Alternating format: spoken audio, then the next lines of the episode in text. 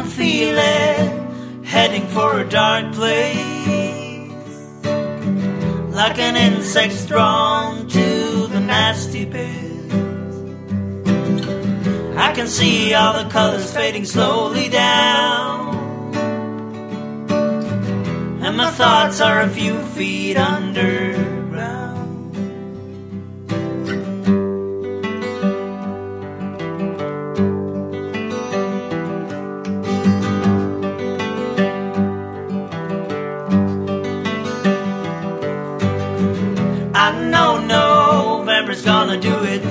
Too.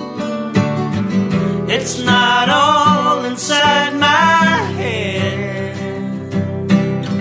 This one was worse than so many others with friends and all the other shit that goes.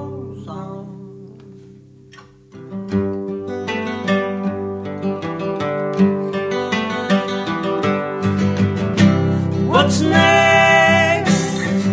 Where do we go from here?